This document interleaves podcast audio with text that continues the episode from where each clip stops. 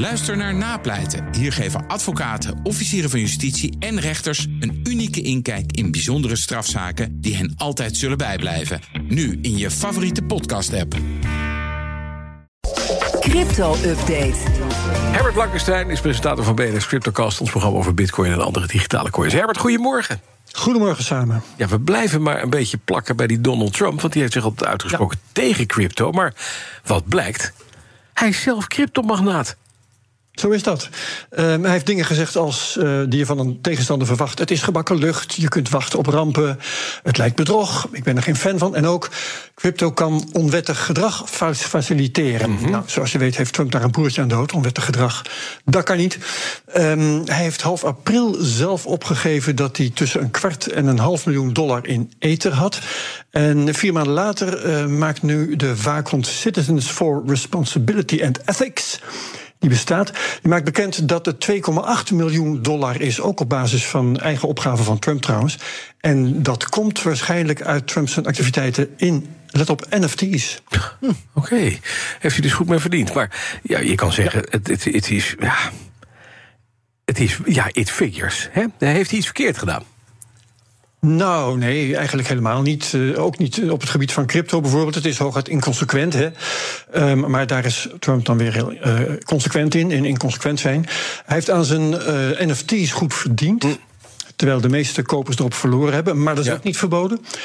Ehm, het zijn allemaal zaken waar een normale kandidaat in zijn campagne heel veel last van zou kunnen Maar krijgen. Maar eh, ik denk dat Trump er wel weer mee wegkomt. Ja, Herbert, ik ben zo bij terug. Heel even kort, want ik ga even de openingskoers van Atje... waar we op zaten te wachten na tegenvallende kwartaalcijfers morgen. Het fonds noteert nu precies 20% lager van de koers van gisteren. 1472 euro. Blijft nu nog hond- eh, 1180 over. Dan gaat 300 euro af. 20% lager. Sorry, even, dat moest er even tussendoor. want we volgden dat al een tijdje. Met aandelen, hè. Zijn Ja. heel volatiel. Zo gaat dat. Nee, dat heb je met, eh, met crypto's niet. Er is hoop Nee. voor de klanten van Celsius, het failliete leenplatform. Ja, er is een plan voor het herstructureren en ook het gedeeltelijk afbetalen van de schulden van Celsius. Het plan is goedgekeurd door de rechter en gaat nu naar de crediteuren, waaronder dus de klanten die hun crypto daar op rentedragende rekeningen hadden gezet. Eh, dat zijn 600.000 klanten, hebben samen zo'n 4,4 miljard te goed van Celsius. En al die schuldeisers die mogen over dat plan gaan stemmen. Oké. En dat bepaalt dan of het gaat worden uitgevoerd, ja of nee. Mooi. Wat staat er dan in dat plan precies? Weten we dat? Eh, ja, nou ja, eh, in grote lijnen wel. Ja. Eh, schuldeisers gaan op verschillende manieren worden schadeloos gesteld. Gedeeltelijk. Er zijn de verschillende bronnen waar dat geld uit kan komen. Want Celsius heeft bijvoorbeeld bedragen in bitcoin en ether. Daar hebben ze allerlei altcoins voor verkocht.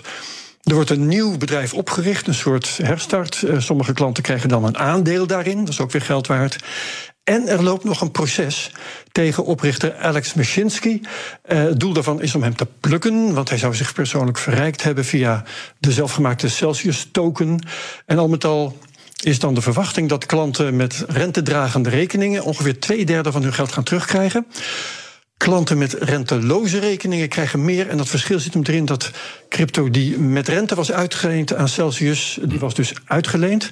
En niet meer eigendom van de klanten. Terwijl crypto zonder rente alleen maar in bewaring was gegeven. Is eigendom gebleven van de klant. Juist. En is dus geen onderdeel van dat faillissement. Ja, en kan je dus claimen. Da- Dan even een apart verhaal. De koers van Bitcoin bereikt een nieuw all-time high. Alleen in Argentinië. Ja, als je dat leest, denk ik, ja, hè, hè. Als je het ziet, de real is daar kapot. Of de peso De- de peso is het ja, toch, hè? peso is het, ja. Eh, maar in ieder geval, ja, dat, en, en dat heb je dus in landen waar het slecht gaat. In Turkije hebben we dat gehad. Eh, in Rusland zal het ook wel komen. Zwakke munt, hoge inflatie. En dan gaat de koers van bitcoin omhoog, ook al is hij stabiel. Ehm, op kleinere schaal kun je dat tussen de dollar en de euro bijvoorbeeld ook hebben. Hè. Eh, maar in, in Argentinië is dat dus allemaal aan de hand. De koers van de bitcoin uitgedrukt in pesos is daar de afgelopen week met meer dan 20% gestegen. Omdat die peso inderdaad is gekelderd. De bitcoin is nu meer dan 10 miljoen pesos waard. Hij is tegen de, ja, tegen Ja. de dollar dit jaar met 75% gestegen, maar tegen de peso wel 250%. Ja, vind je het gek. De, de Nee. belangrijkste presidentskandidaat, meneer Milei, Javier Milei... dat is bovendien een bitcoin-fan. En de man met de meest opmerkelijke bakkenbaarden... van eh, heel politiek Zuid-Europa. Je hebt zijn hoofd gezien, heb ik aan. Er zit meer, meer haar op dan, Ja. eh, dan vlees aan.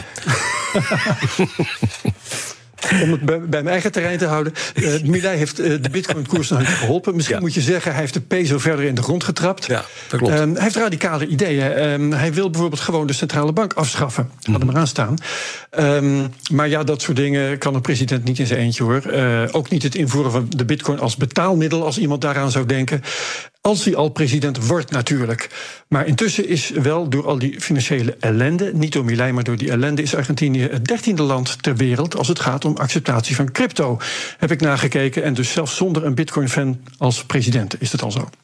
Kijk dan. Dan eventjes naar uh, crypto nieuws site Coindesk. Dat ontslaat bijna de helft van zijn hele redactie. Waarom? Ja, um, omdat het, uh, de Digital Currency Group, um, je herinnert je dat bedrijf DCG, eigenaar van Genesis, en ja. van de failliete cryptobedrijven van, mm -hmm. uh, is eigenaar van Coindesk. En met die Digital Currency Group gaat het slecht. En uh, dit slechte nieuws is trouwens niet gemeld door Coindesk zelf. Die is daar uh, angstvallig stil over. Ik vind het op andere nieuwssites. DCG probeert uh, Coindesk dus te verkopen. Kan daar 125 miljoen voor beuren dollars van een kandidaat koper. En dat voor een site die ze in 2016 500.000 dollar heeft gekost. Een half miljoentje maar. Ja. Dus dat is leuk. Uh, maar ja, voor de crypto-nieuwsvoorziening is zo'n ontslagronde niet erg leuk. Uh, Coindesk is een van de beste crypto-sites, vind ik. Mm -hmm.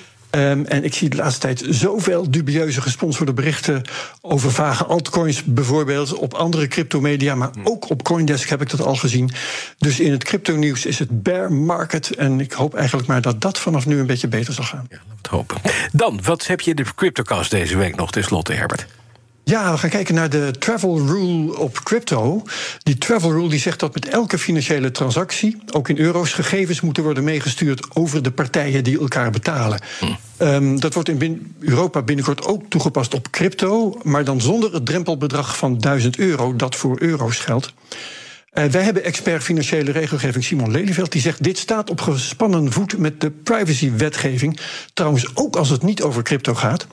En hij hoopt die wetgeving, als het wel over crypto gaat, nu nog te kunnen blokkeren. Daar is weinig tijd voor en er is wat geld nodig, maar het is wel een heel spannend verhaal. En ik verwacht dat het een vervolgverhaal gaat worden in de CryptoCast. Dankjewel, Herbert Blakkenstein. Alle afleveringen van zijn CryptoCast kun je beluisteren via de BNR-app, uiteraard. Of een andere podcast-app die je eigenlijk niet moet gebruiken, omdat je BNR-app moet downloaden. De crypto-update wordt mede mogelijk gemaakt door Bits, de Bitcoin-spaardienst van Bitonic. BNR Headlines. De hele dag binnen- en buitenlandse politiek. In Nederland hebben we geen munitiefabrieken. De hele dag economie. Vijf dagen in de week bezorgen, dat kan niet uit. De hele dag technologie. Amerikanen weer op de maan. Heb je eigenlijk geen tijd, maar wil je toch op de hoogte blijven? BNR Headlines. Het laatste nieuws, maar dan in het kort. Ga naar je podcast-app en abonneer je op BNR Headlines.